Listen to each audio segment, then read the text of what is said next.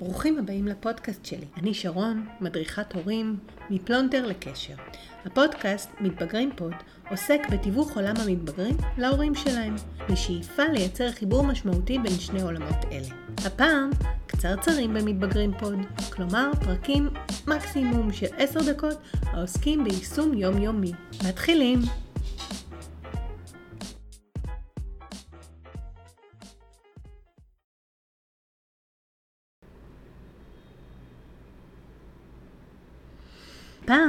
בקצרצרים פוט, אז למה אנחנו מפחדים לדבר עם הילדים שלנו? אנחנו כהורים, הרבה פעמים אני שומעת גם מאנשים שבאים לקליניקה וגם אנשים שאני מדברת איתם, שקשה להם לגשת לילדים ולדבר איתם על דברים משמעותיים. ובעצם כל התקשורת עם הילדים הופכת להיות תקשורת של אה, לאן אתה הולך, מתי אתה חוזר, תעשה את המדיח, ולמה לא. הרבה מאוד למה לא, למה לא עשית את זה, למה לא קרה זה, למה אתה לא עושה את זה. ואנחנו רוצים שהתקשורת קודם כל תהיה שונה, ואנחנו מפחדים. מהם הפחדים שעולים? קודם כל יש את הניסיון הקודם שלנו, שכל פעם שאנחנו באים, גם אם אנחנו באים מתוך רצון טוב לדבר עם הילד, להציע לו משהו, לנהל איתו שיחה ברומו של עולם, הרבה פעמים זה מתקבל בכעס, זה מתקבל בטריקת דלת, זה מתקבל בלא עכשיו אני עסוק, אה, או באיזושהי משיכת כתפיים, והעלבון הזה נשאר ואנחנו צוברים אותו, ואז אחרי פעמיים שלוש כאלה, אנחנו פשוט כבר אה, בראש שלנו, הראש שלנו מייצר איזשהו חיווט, שכל פעם שנדבר עם הילד ככה זה ייראה. אז אנחנו מצמצמים למינימום את התקשורת. הדבר השני זה האמיגדלה שלנו. מהי האמיגדלה?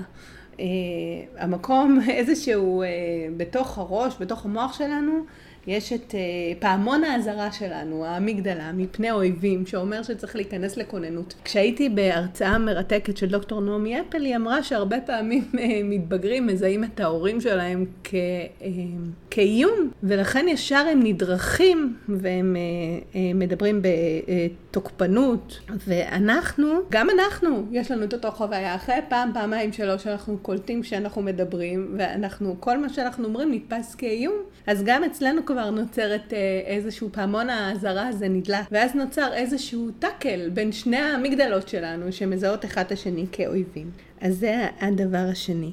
דבר שלישי זה מבוכה. הרבה פעמים אנחנו רוצים ללמד אותם דברים משמעותיים שקשורים ביחסי מין, שקשורים בפורנוגרפיה, שקשורים, שקשורים בקשרים אישיים, שקשורים באלכוהול, שקשורים בסמים. אנחנו רוצים לשאול אותם שאלות. אנחנו רוצים לתקשר את זה באופן כזה שיבנה אמון.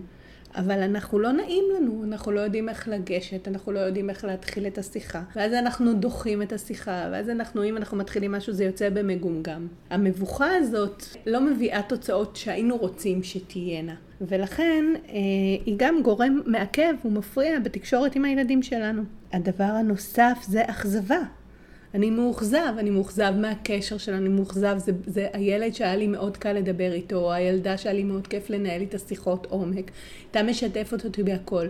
פתאום הם מאחורי דלתיים סגורות, אני פחות רלוונטי, היא בעיקר מדברת עם החברות שלה, ואם היא מדברת איתי הפנים שלה בטלפון, ואם הרבה פעמים מדברת איתי מתוך החדר, סוגרת את הדלת, אני עוד לא סיימתי להגיד מה שיש לי, היא כבר לא שם. ואז יש לנו אכזבה גם מעצמנו וגם מהקשר, גם בשאלה הזאת, איזה משמעות נשארה לנו בחיים שלהם. איפה הקשר היפה שהיה בינינו נעלם, ויש איזשהו רצון לחזור למה שהיה פעם.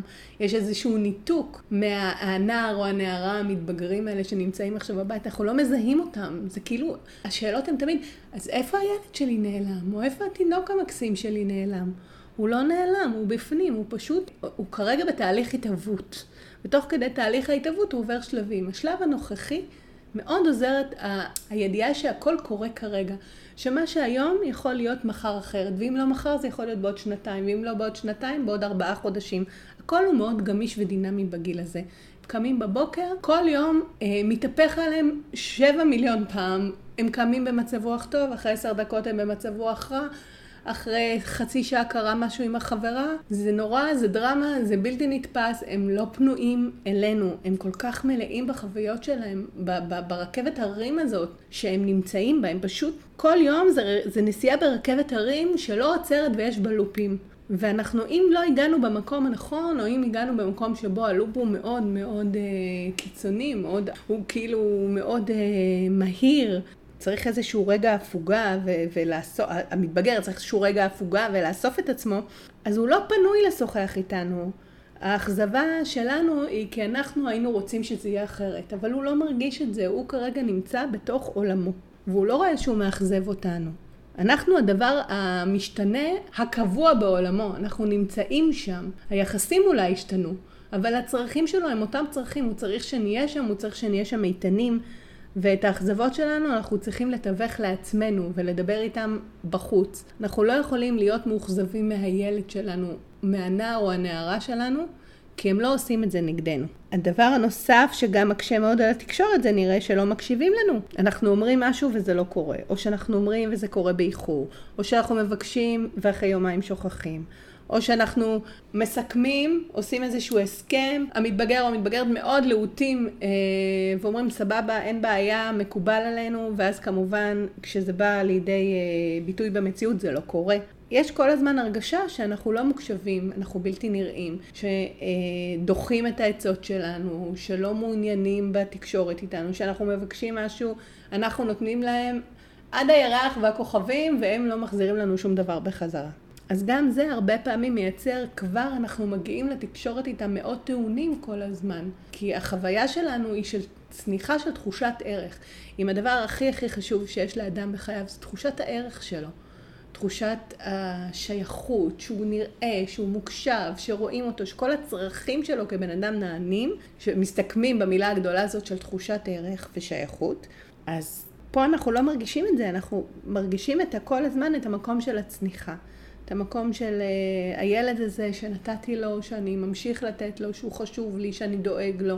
הוא לא מחזיר לי כלום. הוא אפילו לא מוכן להקשיב לי, הוא אפילו לא מוכן להקשיב, להקדיש לי חמש דקות לשיחה. והדבר האחרון שמקשה על השיחות עם הילדים זה ההזדמנות. הם כל הזמן מאוד עסוקים, או שהם ישנים, או שהם במחשב, או שהם בפלאפון, או שהם עם חברים, או שהם מדברים עם חברים, או שהם חוזרים מחברים, או שהם הולכים לתנועה, או שהם יכולים להתנדב במד"א, או שהם בצופים. יש להם חיי חברה עשירים מאוד, כי בגיל הזה, כמו שאמרנו כבר לא פעם אחת, חיי החברה שלהם הם הדבר החשוב ביותר עבורם.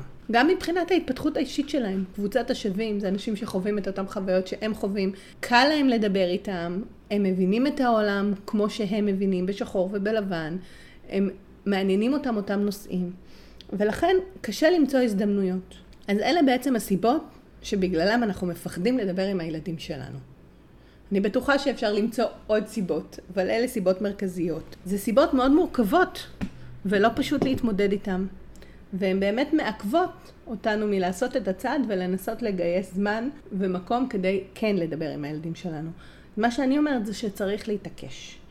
צריך לדעת לנהל את כל הרגשות האלה, שהם כולם לגיטימיים והם אכן במציאות הם לא נעימים. וכל פעם מחדש יש את האכזבה ואת הרצון שזה יהיה אחרת. אבל זה יכול להיות אחרת, זה בידיים שלנו, כל עוד אנחנו נלמד להתעקש, בכל זאת לדבר איתם. איך לדבר עם ילדים? בפעם הבאה, בקצרצרים פוד. תודה שהייתם והאזנתם. אני מקווה שהיה קצת, אה, ש, ש, שזה הביא איזושהי מודעות למניעים הפנימיים שלנו שמונעים מאיתנו לשוחח עם הילדים שלנו והם קצת מפחידים אותנו מבני הנוער שלנו. וברגע שאנחנו מודעים לסיבות הפנימיות האלה ולא נמצאים במקום של צודק, אלא במקום של מה עובר עלינו, כשאנחנו פוגשים את החוויה הלא פשוטה הזו, משם אפשר לצמוח ולראות איך אנחנו כן מצליחים לנהל שיח יעיל וטוב ולהיות הורים אה, רלוונטיים, כי בסופו של דבר הנוכחות ההורית היא זו החשובה לנו. תודה שהאזנתם. מוזמנים להירשם כמנויים לפודקאסט באפליקציות השונות.